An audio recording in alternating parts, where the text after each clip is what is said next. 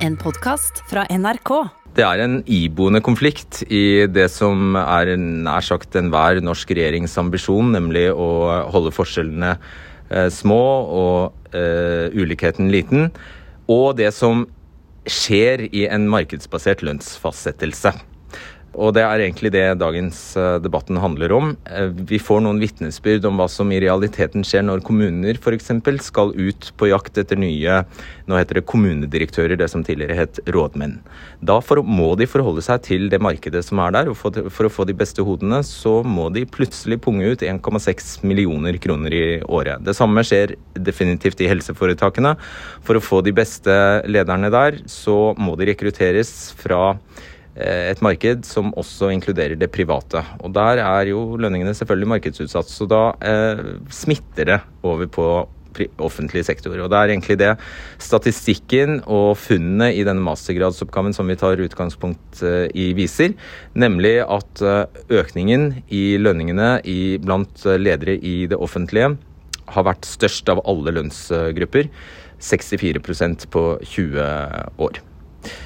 Eh, dette er et veldig interessant Det er jo egentlig et veldig stort uh, fenomen uh, som antagelig strekker seg langt utover Norges uh, grenser. I USA så er det vel faktisk sånn at avlønningen til administrerende direktører er på nesten 300% mer enn vanlige arbeidstakere. Vi er jo langt unna det. Men det er klart at spørsmålet om det i det hele tatt er mulig å holde igjen lønnsveksten i offentlig sektor, blir stadig mer presserende.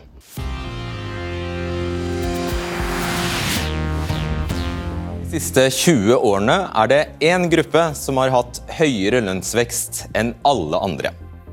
Ledere i det offentlige. De er 45 000 personer, og de har viktige jobber som sykehusdirektør, rektor, biskop, de er folkevalgte, de er biblioteksjefer, varaordfører, barnehagestyrer, kirkeverge, økonomisjef, kultursjef, for å nevne noen. Så det er veldig sannsynlig at du kjenner til en av de offentlige lederne vi skal snakke om i kveld. Om lag halvparten av oss er ansatt i privat sektor, og vanlige ansatte i privat sektor har hatt en lønnsvekst på 46% i perioden 1997 til 2020, altså på om lag 20 år. Lederne i privat sektor de har hatt en noe høyere lønnsvekst enn det, altså 48% Vanlige ansatte i det offentlige har økt lønna med 53% på disse 20 årene, mens gruppa med ledere i stat og kommune altså har hatt en kraftig lønnsvekst på 64% Du kan bli med i diskusjonen. Da klikker du deg inn på nrk.no. Gjør det nå. Velkommen, finansminister Trygve Slagsvold Vedum. Tusen takk for det. Hva syns du om at lederlønnsutviklingen i offentlig sektor overskrider det som er gjennomsnittlig lønnsutvikling i samfunnet? Det er ikke bra i det hele tatt. Vi må få snudd det. Og det at det er offentlig sektor der lønnsforskjellene har økt mest eh, i det siste tiåret, det er jo noe sånn unorsk ved. Akkurat som det er offentlig sektor som også har sentralisert mest. Så den politikken som har vært ført nå over tid, har gjort at eh, forskjellene har økt både mellom folk i lønn, men også hvordan tjenestene er organisert rundt omkring i Norge. Og målet for den nye regjeringa er å klare å snu det her. Mm. Så ser vi også at dette er noe som har skjedd gjennom skiftende regimer. Da. Altså, her starter jo statistikken i 1997. Da var det Kjell Magne Bondevik som var eh, statsminister. Så vi skal komme tilbake til hvor enkelt eller vanskelig det kan eh, bli. I Hurdalsplattformen skriver dere nettopp det at dere vil sikre at lederlønnsutviklingen i offentlig sektor ikke overskrider det, den utviklingen vi vanlige har. Hva, hvordan skal du få til det? Ja, vi må gjøre flere grep, og det må gjøres mye tydeligere politiske prioriteringer enn før. Det ene er for de som jobber i, i selve staten. Eh, i lederlønnssystemet i staten. At regjeringa bestemmer seg for at her skal det eh, eventuelt settes et tak, det skal fryses eller gjøre ulike grep. Så det må vi i neste års lønnsoppgjør være helt tydelige på at nå skal ting dempes. Og så er det i forhold til de statlige selskapene, altså de som er heleide. At man går inn i generalforsamlingene og sier at eh, her skal man både ha det som er lønn, men også bonuser skal regnes inn i godtgjørelsen. At man skal si at det er de som sitter i styret, nå skal det skrus igjen gjerne fryses, og ser man også kan redusere bonuser og andre typer ytelser. Og så er Det vanskeligste det er de deleide selskapene, for der er det ofte private eiere og andre også inne. Men at man også der bruker eierstyringa aktivt for å klare å dempe lønnsveksten. Så her må vi gjøre mange ting. Og så må jo da være over fire år da, at vi klarer å få snu den trenden som har vært nå over tid. At forskjellene blir litt større hvert år. eller at forskjellene kan bli litt mindre. Ja. Det er målsettinga for den nye regjeringa. Jeg håper at vi i Senterpartiet og Arbeiderpartiet får til det. Fordi Nå tok du jo for deg den gruppa du har sagt, at dere vil eh, kutte lønna til disse, eller dere vil fryse lønna til alle sammen. Det er ca. 230 personer som er medlem av dette, eller som er del av dette statens lederlønnssystem. Det er ikke så veldig mange. Men der har du sagt at det skal være et tak på 1,5 millioner. Og så er det jo snakk om disse statlige selskapene. Der kjenner vi mange e, e, eksempler. For eksempel, ja, vi kan ta Statkraft, vi kan ta Mesta. Der er jo lønningene av og til skyhøye, på over 7 millioner kroner. Men den gruppa du ikke nevnte nå, var den jeg startet med, egentlig. Nemlig den store gruppa med ledere i det offentlige stat og kommune på 45 000. De er altså Eh, ja, De er altså seksjonssjefer, de er skole, skoleledere, de er sykehjemsstyrere, de, er, eh, ja, de kan være brannsjefer, de kan være kommunekasserere. Er du overrasket over det? Jo, men jeg tror Det er en veldig stor forskjell da, hvis du tar en sykehjemsstyrer Eh, enn en som er toppsjef i en eller annen etat. Ja, men Er du ja. overrasket over det? At det er de som ja, har økt mest? Jeg ser jo summen. Har, jeg har jo fulgt med det over tid. SSB har jo hatt flere runder på det, de også. Det er sagt at det er offentlig sektor lønnsforskjellene øker mest. og Derfor har jeg også fremma flere forslag i Stortinget enn jeg var der. Og det var viktig for meg som Senterpartileder at vi også i Hurdalsplattformen fikk frem at vi må tørre å begynne å styre. For det har vært veldig mange gode intensjoner. Jeg er helt sikker på også at vi i den nye regjeringen kommer til å få mye motstand. For det er jo mange som ønsker selvfølgelig høyere lønn. Ja, fordi Hvordan skal du gripe inn i kommunene? Dette er jo Nei, men, kommunene som har bestemt at de skal tjene så mye. Kommunene må, Det kan ikke vi gripe rett inn. Det har vi ikke styringsrett over. Men klart at vi kan styre staten. Og, og hvis du klarer å dempe lønnsutviklinga i toppen av staten, så vil det også være dempende nedover. Så vi må jo bare begynne den enden der vi styrer direkte. Og det er jo selvfølgelig på det. Sjefene i ulike direktorater. Ja, men du ser også for en eh, merkelig situasjon. Hvis du, hvis du bare eh, ja, erkjenner at du bare får gjort noe med staten, så vil, jo, eh, så vil jo lønningene i kommunene kunne galoppere, mens du har satt et tak i staten. Det blir jo også en veldig rar situasjon. Ja, men, altså det er nok, men det er staten som har vært den største driveren. altså selvfølgelig ikke, altså kommunal sektor Vi skal sette noen eksempler på kommunal sektor snart. Ja, ja. og så får vi da, altså, Når du driver med politisk ledelse, så er det én ting er de konkrete vedtakene du får gjort, med å dempe ting, men det andre er også de verdisignalene du sender. Og nå er jo jeg leder i Senterpartiet, Jonas Gahr Støre er leder i Arbeiderpartiet. og Hvis vi klarer å få gjort de grepa i staten gjennom eh, vår regjeringsposisjon, så vil det også gi veldig klare styringssignal til våre ordførere, våre lokale folkevalgte, de som sitter i ulike styreorganer, at nå er tiden inne for å få ned forskjellene mellom folk. Sørge for at de som gjør arbeid, de skal få en lønnsvekst, mens de som har topplederjobber, som også gjør en viktig jobb, at de har fått den kaka, er, og den kaka er stor nok. Ok, Da skal vi ønske velkommen til Manudip Manedip Bulli fra Universitetet i Oslo. Og Bent Ronny Michaelsen, som er leder i Norsk Radiografforbund. Det er dere som steller med bilder av uh, kroppen vår. Uh, MR og ultralyd og røntgen og sånt noe. Starter med deg, uh, Buller. Du er førsteamanuensis ved Økonomisk institutt ved Universitetet i Oslo. Og du har vært veilederen til den mastergradsstudenten som egentlig har kommet med disse tallene. Altså disse 45 000 lederne. han heter Jørgen Tveit Sandberg. Vanligvis er det jo snakk om noen veldig mange, veldig mange, færre toppledere i staten når det er snakk om topplederlønninger, men her er altså gruppa 45 000. Hvordan har han kommet fram til det? Ja, altså Han har fulgt eh, SSBs eh, yrkesklassifisering, eh, som er jo det den offisielle måten å klassifisere yrker på i, som SSB følger. Eh, og da, Dette inkluderer ikke bare toppledere i den klassifikasjonen, eh, dette led, også inkluderer mellomledere, altså avdelingsledere, seksjonsledere f.eks. Eh, etatledere, etatssjefer. Eh, så det er mye bredere eh, sammenstilling av yrker eh, og da ledere som han har sett på. Og Da blir summen altså 45 000 som har en ledertittel. Stemmer. Ikke sant? Eh, så hvilke, Jeg har nevnt noen uh, yrkestitler. Hvem, hvem, hvem, snakker vi om her? Ja, altså den gjengse, altså de vanlige, Det mest vanlige blant disse 45 000 det er en avdelingsleder i offentlig administrasjon. Akkurat. Eh, avdelingsleder i offentlig avdelingsleder i offentlig administrasjon. Det er den tittelen som går, altså det er den vanligste tittelen blant disse. Hva vil du si er de mest interessante funnene?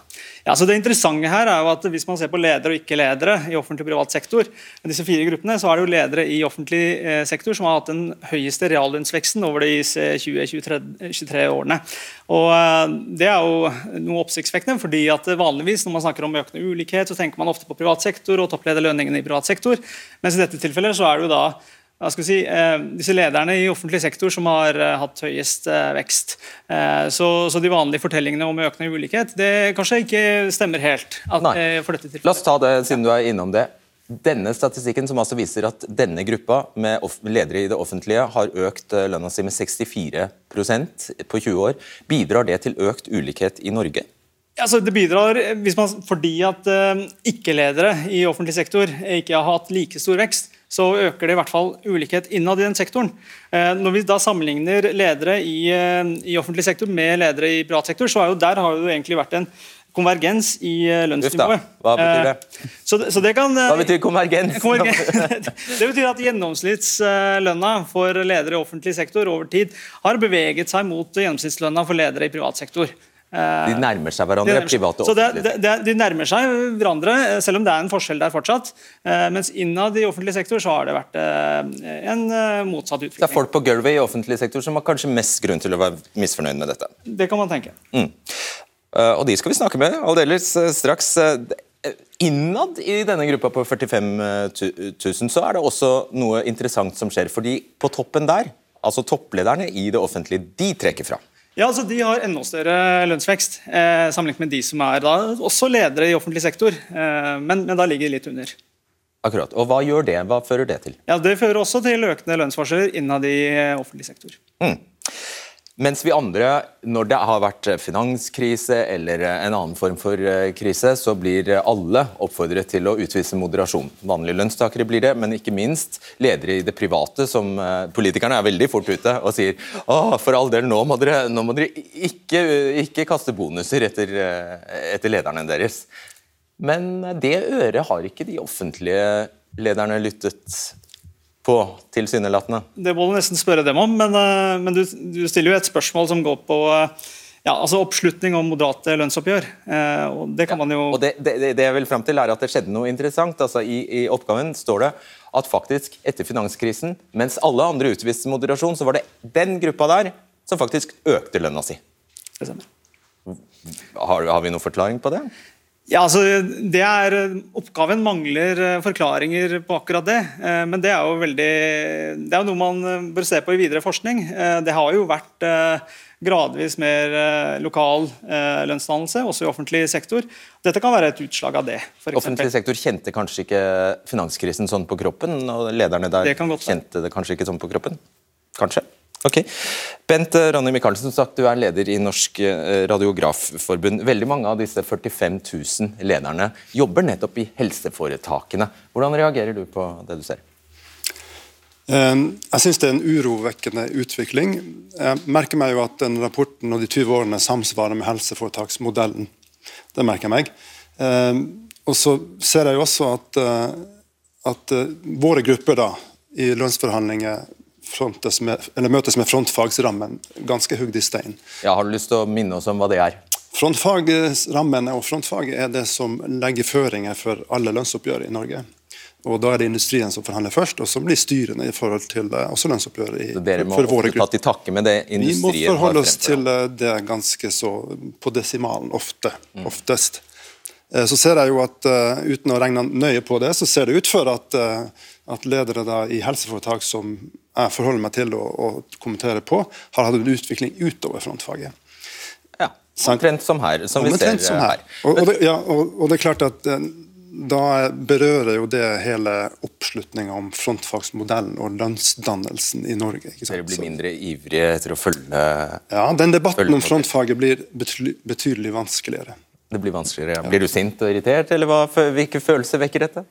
Nei, altså, jeg, er litt urovekkende. at Det er urovekkende jeg ser, fordi at uh, mine grupper er ganske presset ute i, på diagnostikk og, og behandling. Uh, og vi sliter alltid med å få opprettet stillinger for å faktisk gjøre, gjøre jobben som skal gjøres. Stort overtidsbruk. Uh, mye belastning i stillingene. Og det er klart at En krone brukt på ledelse og administrasjon er en krone mindre brukt til pasientnær behandling og til stillinger som er nær pasientene. Og det er sånn er det bare? Og sånn, Det er det vi opplever som er kjempeproblematisk. Hva tjener dere, da? Snittlønn for radiografer i Norge er 550 000-560 000. Ja. Som en sykepleier, som en fysioterapeut, som en ergoterapeut. Som bachelorgruppe. Og Da passer det egentlig at jeg legger til at snittlønna for disse uh, lederne i det offentlige er om lag 850 000, men det må jo bety at noen tjener veldig mye mer enn uh, en det. da. Uh, ok, Foreløpig takk, fordi nå skal vi snakke nettopp om helseforetakene. Det er jo en historie for seg selv, helseforetakene. I fjor tjente gjennomsnittsnordmannen rett over det dere tjener, 585 000 kroner. Der har du vel et kort på hånda, vil jeg regne med. Går, du, går vi opp noen trinn på denne stigen, finner vi helseministeren, som tjener 1,4 millioner. Det er Ingvild Kjerkol nå. Fortsetter vi oppstigen, så finner vi 128 helsetopper som tjener mer enn statsråden som styrer dem. Og over der igjen finner vi statsministeren, som er Jonas Gahr Støre. Han tjener 1,7 millioner. Over han igjen finnes ytterligere 70 helsetopper som tjener mer. Og Det er Klassekampen som har lagd denne oversikten. Gunnar Bovim, du er styreleder ved Oslo universitetssykehus, er med oss fra Tyholt i Trondheim. Eh, ifølge denne oversikten da, fra Klassekampen så tjener 44 ledere ved Oslo universitetssykehus mer enn helseministeren. Hvorfor det? Ja, Det er en uh, sammensatt problemstilling. Men jeg har behov for å nyansere det som kommer frem her om utviklingen over tid. Jeg har fått frem tall nå i den perioden jeg har vært styreleder på OUS, fra 2016 til nå. I den perioden så har lønnsutviklingen for eh, hele ansatteporteføljen, de vel 20 000, den har vært på 16,14 Utviklingen for administrerende direktør har vært 2,46% i samme perioden. Sånn, og dette er en betydelig diskusjon hos oss. Ja, for, de, for lederne under, under toppsjefen, da? Der har det også vært lavere enn 16,14, som er den totale ansatteporteføljen.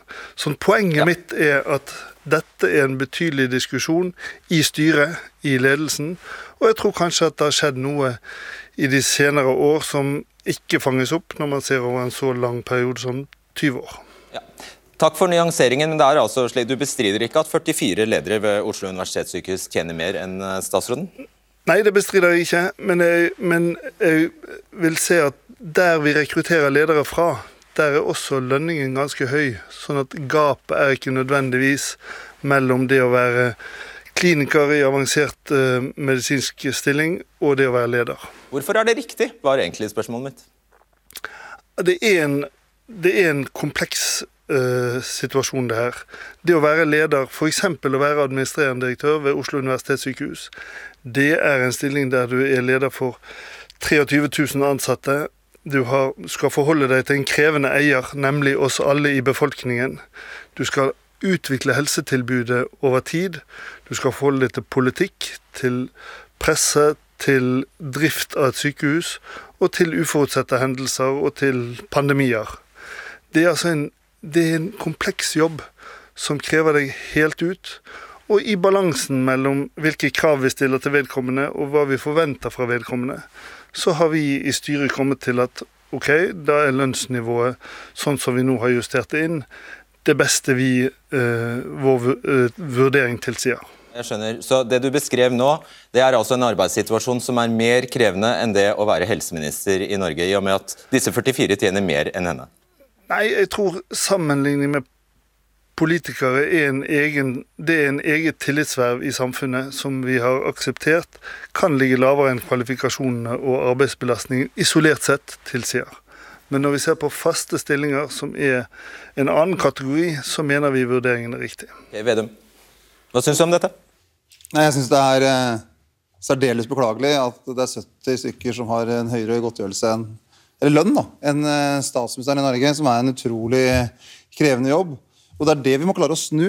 Altså, Bovim Bovin har vært styreleder en kort. Går du god for argumentasjonen til Bovim her? Om at det er så krevende? Jo, selvfølgelig er det krevende, og de skal gå godt betalt. Det mener jeg er riktig at de skal godt betalt. og Jeg skjønner at det, er, det kan være veldig tøft å være direktør i et norsk helseforetak. Så, så, god lønn skal man ha. Men det er ikke noe bra for samfunnet hvis du har for eksempel, 70 stykker i norske helseforetak som tjener mer enn statsministeren, som tjener over 1,7 millioner kroner. Så det er jo det vi må diskutere politisk. Da mener vi at det er en god utvikling eller mener vi at det er en dårlig utvikling. Og vi mener at det er en dårlig utvikling som bør snus.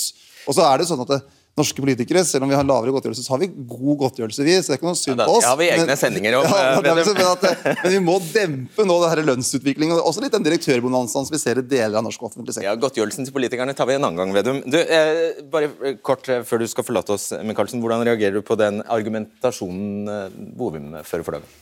Det er klart at uh, Enkelte ledere også i offentlig sektor går fra stillinger der de tjener godt utgangspunktet. så Offentlig sektor må jo på et visst nivå konkurrere. Det ser jeg. Men allikevel så er det samla bildet her er jo at det er en utvikling som på en måte mine medlemmer og de fleste på gulvet ikke kjenner seg helt igjen i og på en måte vil vedstå og i hvert fall ikke applaudere. Så det virker litt umusikalsk, for å si det slik. Umusikalsk. Så vi tar med oss det. Tusen takk, eh, Gunnar Bovim, Manudip eh, Buller og ikke minst eh, tusen takk, Bent Ronne Michaelsen. Da skal vi få en supplere panelet her, for vi skal diskutere om vi bør gjøre noe med at disse 45 000 lederne i det offentlige drar fra, og i tilfelle hva man bør gjøre. Vi skal også ha med oss at antallet ledere som tjener mer enn statsministeren har økt fra 100 til 300. Og aller øverst i den offentlige lønnsadelen er sjefene som allerede er nevnt for de statlige selskapene. De selskapene heter Argentum, Statkraft, Posten Norge, Vy, Mesta. De tjener gjerne 7,6 millioner eller 4 millioner. Det kan de gjerne gjøre.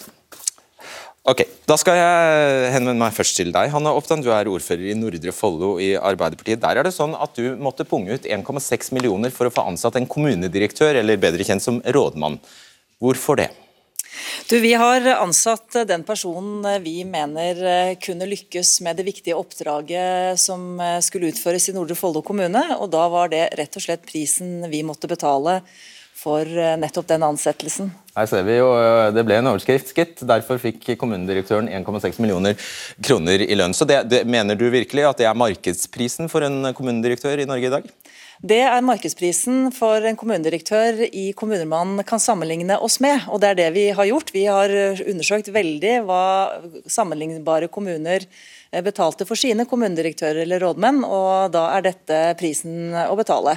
Vi har eh, verken betalt mer eller mindre for vår kommunedirektør og den jobben han skal gjøre. Syns du det er høyt? Syns det er mye? Ja, det er mye penger. Det er helt åpenbart. Eh, og Derfor så er jeg veldig glad for at eh, vi eh, har en regjering nå som ønsker å se på lederlønningene.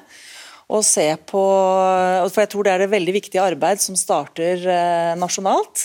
Og så skal vi gjøre... gjøre... ja, du, kan ikke, du kan ikke feie for egen dør først? Jo, så skal vi gjøre vår jobb også i kommunene. Men jeg tror som finansministeren sa innledningsvis her, at dette er noe som må starte hos staten, og så skal vi også ta vårt ansvar i kommunen. Dette må vi samarbeide om i kommunene. Ja, okay, jeg vet ikke helt om jeg begriper hvorfor du ikke bare kan starte, men Det er fordi vi eh, måtte på dette nivået for å få tak i den rette personen. Så du ville ha fått en elendig kommunedirektør hvis du ikke hadde eh, eh, lagt 1,6 millioner på bordet? Dette var det nivået vi måtte på for å få den kommunedirektøren vi ville ha. Ah, ja. Marie Sneve Martinussen, du er nestleder i Rødt. Velkommen til deg, og velkommen også til Nikolai Astrup, som er ja, nylig avgått kommunalminister. Og eh, også, nå må jeg bare lete, og Iver Bragelien, du er førsteamanuensis ved Norges handelshøyskole. Starter med deg, Martinussen. Hva syns du er feil her?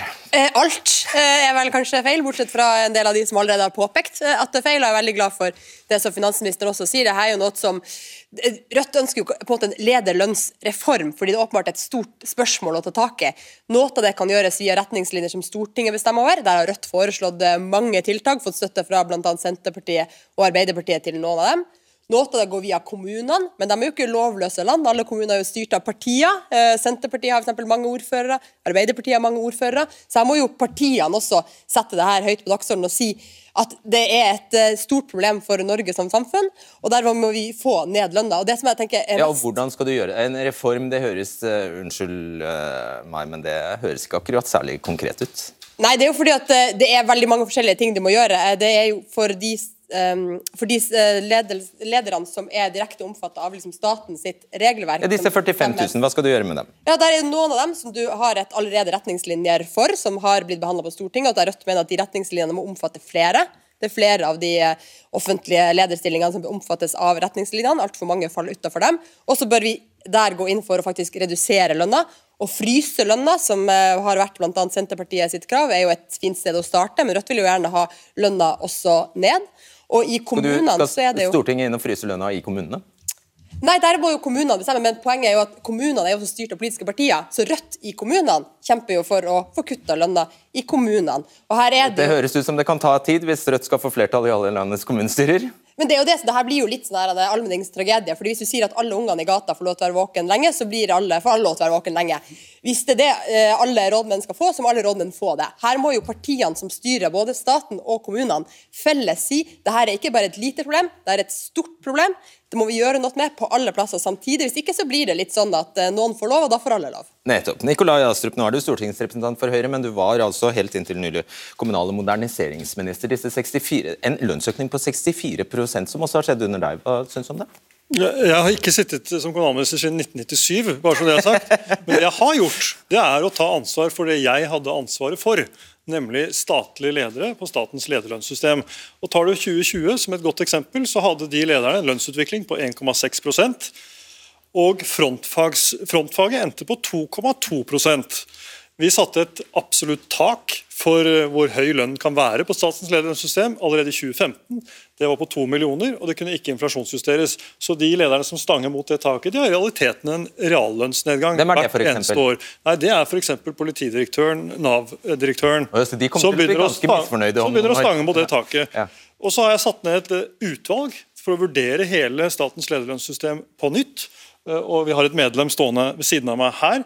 Eh, og Det er eh, viktig, fordi vi må sørge for at vi skal ha et samfunn der vi får tak i de gode folkene, men der vi ikke Eh, der staten ikke er lønnsledende. Så Når Trygve Slagsvold Vedum sier at det skal, skal være slutt på lønnsfesten Lønnsfesten for statlige ledere den sluttet for veldig lenge siden. Dette har den regjeringen som satt, ryddet opp i. Og så er det en helt annen problemstilling hva man da skal gjøre med kommuner rundt omkring ja, for jeg tror du glemte Fordi det er altså kommunalt selvstyre i, i dette landet. var spørsmålet. Altså Det som eh, programlederen jo ikke i det hele tatt har snakket så veldig mye om, det er jo hva var utgangspunktet i 1997.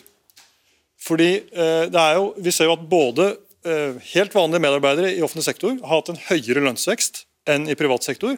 Og det kan være riktig, fordi de kanskje i utgangspunktet lå ganske mye lavere enn i privat sektor. Nå begynner det gapet å tette seg. På samme vis så vet vi at eh, på ledermarkedet i dag så konkurrerer man i mye større grad om de samme personene, enten det er offentlig eller privat sektor. Slik eksempelet med rådmannen er. Og la meg bare legge til ett poeng. 90% av de spredtbygde kommunene sier til oss at de ikke får tak i den kompetansen de trenger. Da må de kunne bruke lønn som et virkemiddel. Vi har kommuner i Norge som ikke har kommuneoverlege. I en situasjon vi har vært gjennom en pandemi, da må du også kunne bruke lønn i tillegg til mye annet for å få tak i de rette personene. Men Offentlig sektor skal ikke og må ikke være lønnsledende. Vi skal ikke ha noe lønnsfest i offentlig sektor. Ok, Greit. Vi skal kjapt innom Fredrikstad. Der er du Atle Ottesen, varaordfører for Arbeiderpartiet. Og Siden 2008 har kommunedirektøren eh, der eh, doblet lønna fra 800 000 til 1,6 millioner, ifølge Fredrikstad Blad. Hvorfor skjedde det? Det var jo sånn at uh, Vi skulle tilsette ny uh, kommunedirektør. Uh, da, ansatte, da, nedsatte vi et, en arbeidsgruppe som besto av ordfører, leder av administrasjonsutvalget og lederen for det største opposisjonspartiet. De gjorde et omfattende arbeid for å sammenligne oss altså med sammenlignbare kommuner og da spesielt de nysammenslåtte kommunene som hadde ansatt ny kommunedirektør, for å da finne ut hvilket nivå Fredrikstad burde ligge på. og Det var det nivået de valgte da i den arbeidsgruppa. og De hadde fullmakt til å forhandle fram arbeidsavtale og lønn med den nye kommunedirektøren. Ja, Hvis jeg har skjønt det rett, så gikk Fredrikstad kommune med 25 millioner i minus, altså i underskudd i fjor. Hvordan forklarer du overfor egne innbyggere at du bruker 1,6 millioner på å ansette en kommunedirektør? Vi kutter ikke ansattes lønn selv om kommunen går med underskudd. Eh, Fredrikstad kommune er en stor bedrift. Vi har eh, ca. 7000 ansatte med ca. 7 milliarder i budsjett. Det er en stor og krevende virksomhet å styre. og det er ingen tvil om at det er en høy lønn, det syns jeg også. Men det er det det koster for å få den lederen som vi ønska oss. Og det er det også sammenlignbare kommuner betaler for tilsvarende ledere. Ok. Vedum, øh, aksepterer du det? At det er bare det det koster om dagen? Nei, det er det jeg ikke gjør. Og det er det også regjeringa ikke gjør, for vi ønsker å få snudd den utviklinga. Så er det en del grep også som den forrige regjeringa gjorde, som har bidratt til en voldsom oppblomstring av nye ledere i offentlig sektor. F.eks. innenfor jernbanen så gikk hun fra å ha 11 direktører til 49 direktører. Eh, alle med millionlønninger. Du ser at det snittet i mange av de statlige selskapene er på 2,5 millioner kroner i lønn. Så vi må gå inn i det her. Også det som er med spesielt med offentlig sektor, at det er dine og mine skattepenger. Ja. Derfor må vi være ekstra forsiktig hvordan de skattepengene brukes. Og da må vi tørre å styre det politisk, og ikke bare si at det her utviklingen skal vi akseptere. At den som vasker, gjør den praktiske jobben, skal falle etter, få dårlige pensjonsrettigheter, få press på sine ting. Mens det er et annet slikt i samfunnet som skyter fra. Og det er det vi skal ta tak i når vi nå endelig har fått kommet inn i regjeringskontorene. Velkommen til deg, Kaja Eikeland. Du er daglig leder i Assisit. eh, Dere, Assisitt. Ja. Dere er et av Skandinavias ledende eh, byråer innen lederrekruttering, altså på godt norsk hodejegere. er. Eh, vi skal, ditt perspektiv er interessant, fordi, og du, du, er her ikke minst fordi det finnes veldig lite forskning som forklarer hvorfor det har skjedd, dette her. Men du skal gi oss noen innblikk. Hvem tar kontakt med hvem først, først av alt, sånn som det vi så her? Ja, uh, Offentlig rekruttering går ofte gjennom anbudsportaler. Offentlige anbudsportaler. Eller man uh, snakker med tre-fire tilbydere eh, som må konkurrere om å få oppdraget på rekrutteringen. Og Da konkurrerer man på pris, kvalitet og prosess. Og din jobb som hodejeger, hva er den? Ja, eh, ja Hodejeger, litt flåsete sagt, så jakter jeg på de gode hodene. Eh, men det vi er, er jo strategiske rådgivere for samfunn og næringsliv som skal rekruttere til virksomhetene sine. Skal finne rett kandidat til rett jobb. Helt riktig. Og vice versa. ja, ikke sant? Ok, Hvor fort kommer lønn på banen? Den kommer ganske tidlig på banen. Eh, Vi snakker jo med det vi kaller kundene våre, oppdragsgiverne, om lønn innledningsvis og stillingsnivå. Eh, Også fordi at vi ønsker ikke å kaste bort tiden til folk i prosess. Eh, Og vi kan også komme med innspill til hva som er liksom temperaturen på markedet, og hva lignende roller eh, har. da. Mm. Har du inntrykk av eh, eh, Nå ser vi jo at lønna til ledere øker mer eh, enn andre. Er det noe dere også kjenner igjen på bakken? Ja, altså det vi ser at kompetansen, eh, altså Kravet til kompetanse er skyhøyt. Eh, og Det som tidligere kanskje var snakket om som eh, to arbeidsmarkeder, privat og offentlig, det er nå i mye større grad ett marked. Vi leter etter de samme folka. Konkurransen har om de flinke hodene. Eh, og Sånn sett så er det kanskje litt vanskeligere å, attrahere det hvis man ikke er konkurransedyktig. Akkurat sånn som ordføreren og ord, varaordføreren sa. Ja. sammenligner de seg med hverandre, disse kandidatene? Ja, de gjør det. De gjør det. De er opptatt av det. Mm. Mm. Er det sånn at de krever høyere lønn? Stadig høyere lønn? Eh, Når man bytter jobb, så er det ofte et ønske om å få eh, et lite lønnshopp, men, men det er ofte en indre motivasjon også for samfunnsoppdraget. Det er det. Eh, Men man kan jo pakkettere lønn litt forskjellig. Hva betyr det? Altså Det kan være bonuser eller eierskap og sånn, i det private i hvert fall. Mens i det offentlige er det jo litt mer Det kan være tak eller ja. Siste spørsmål. Hvor vanlig er det å tjene en million om dagen? Det er ikke uvanlig. Nei. Ok, Hjertelig takk for at du tok turen, Kaja Eikeland. Ok, da, eh, Bragelin, da er, det, da er det deg. Du er altså førsteamanuensis ved Norges handelshøyskole. Hva kan eh, være årsaken, siden vi mangler, eh, vi mangler bastant forskning, men hva kan være årsaken til det vi ser her? Nei, Det er jo ingen tvil om at eh, lønn betyr mer nå enn det gjorde tidligere. eh, Når man eh, prøver som arbeidsgiver å, skaffe den rådmannen eller den lederen som man da ønsker å ha i den kommunen. Og det vi hører her også er jo at Det er veldig viktig hvilke personer som kommer hvor, altså hvem som får disse rollene. Og Det er nettopp det som er markedets rolle i dette. Og dette er jo faktisk et marked, altså et arbeidsmarked, og hvor lønn betyr mye. Ja, men har vi politikere som står og sier som, som mener alle regjeringer etter 1997 har ment at det skal være små forskjeller i Norge, og at staten ikke skal bli lønnsledende osv. Ja, så, som enhver arbeidsgiver så ønsker du å betale så lite som mulig for en så god kandidat som mulig. ikke sant? Så Det er alltid et ønske, du, du ønsker ikke å betale mer enn du vil, men samtidig så er det sånn at eh, lønna brukes aktivt for å skaffe den du vil ha. og Det betyr samtidig at hvis dette virker, og hvis dette får lov til å virke, at ikke politikerne blander seg for mye inn i det, for å si det på den måten, så vil jo det gjøre nettopp at de beste eh, personene, beste lederne, blir rådmenn i de kommunene hvor de trenger det best. Og tar en stor jafs av skattepengene. Ja, altså Sånn som det er nå, så er jo ikke sånn at de offentlige lederne tjener mer enn de private. Eh, Dette her er jo Grunnen til at denne økningen er så vidt eh, stor, er naturligvis for man startet fra et veldig moderat nivå. Og Fortsatt så er det jo sånn at eh, forskjellene i lønn innad i det offentlige er mindre enn forskjellene i lønn i det private. Så man har ikke helt, altså Det er ikke sånn at lederne i det offentlige har gått amok her.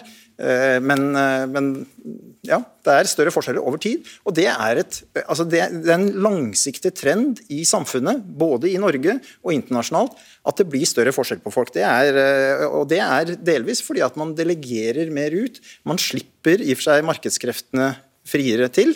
Og det har både gode trekk, altså det er gode trekk ved at du får denne kanaliseringen mm. av gode arbeidstakere i de jobbene hvor de kan bidra til høy verdiskaping. Men ulempen er naturligvis at lønnskostnadene går opp. Nettopp. Vet du hva, Vi har sprukket totalt og fullt og helt på tid. Det er det som skulle bli en debatt. Det blir knapt det, fordi vi, har, vi er snart ferdige. Vil du kommentere det? Ja, altså det som må være helt klart er at uh, Å tjene halvannen million er liksom altfor mye i Norge. Jeg sliter med å forstå hva man skal bruke de pengene på. Og Alle argumenter om at lønn er viktig, de vil jeg gjerne at folk uh, også tar med seg når Rødt for foreslår å få opp lønna til sykepleiere, til jordmødre, til lærere. Da får vi ikke høre at denne effekten av eh, lønn for rekruttering er så viktig. Det er jo der vi mangler folk. Og det er jo heller ingen sammenheng mellom høy lønn og, og egentlig gjøre gode valg. De var ganske mange høytlønnede folk i Equinor som klarte å kaste bort 200 milliarder i USA. Så det er ikke sånn at har du høy lønn lønn, så gjør du en bra jobb automatisk. Ja, du, føler ikke du at du får et forklaringsproblem overfor innbyggerne når du gasjerer på den måten? Jeg er overbevist om at vår kommunedirektør kommer til å levere, fordi vi hadde en grundig rekrutteringsprosess med dypgående intervjuer. Og lønn var eh, ikke motivasjon, det var andre motivasjonsfaktorer som gjorde at vi falt ned på akkurat den kandidaten. Men det er høy lønn, og som sagt, derfor er jeg glad for at man eh, har tatt et initiativ til å se på dette nasjonalt. Og så skal vi selvfølgelig samarbeide og ta vårt eh, ansvar også lokalt. Okay, og Det var Oppegård Avis som først var opptatt av den saken. Det skal vi få med oss. Ja, jeg tror bare vi sier at eh, vi får invitere dere tilbake når vi har Så tar vi en skikkelig eh, runde igjen. Takk for at dere kom, i hvert fall. Og takk for at du så på debatten, eller kanskje du deltok i diskusjonen på nrk.no, eller enda bedre, begge deler. Vi ses på torsdag.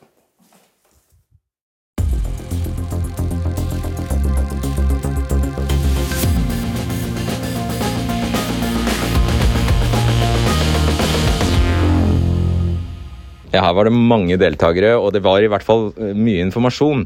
Eh, selv om det ikke ble den store debatten. Og eh, i ettertid så er jeg også litt usikker på hva slags debatt det i realiteten hadde blitt. Fordi det er jo ingen som har en fiks ferdig løsning på hvordan, hvis de ønsker det, man skal stagge f.eks. lønnsveksten blant ledere i kommunene fra statlig hold. Som det jo også ble sagt i innleggene her. Vel, det var dagens sending. Jeg håper du likte den, og så høres vi igjen på torsdag. Ha det bra. Du har hørt en podkast fra NRK. Hør flere podkaster og din NRK-kanal i appen NRK Radio.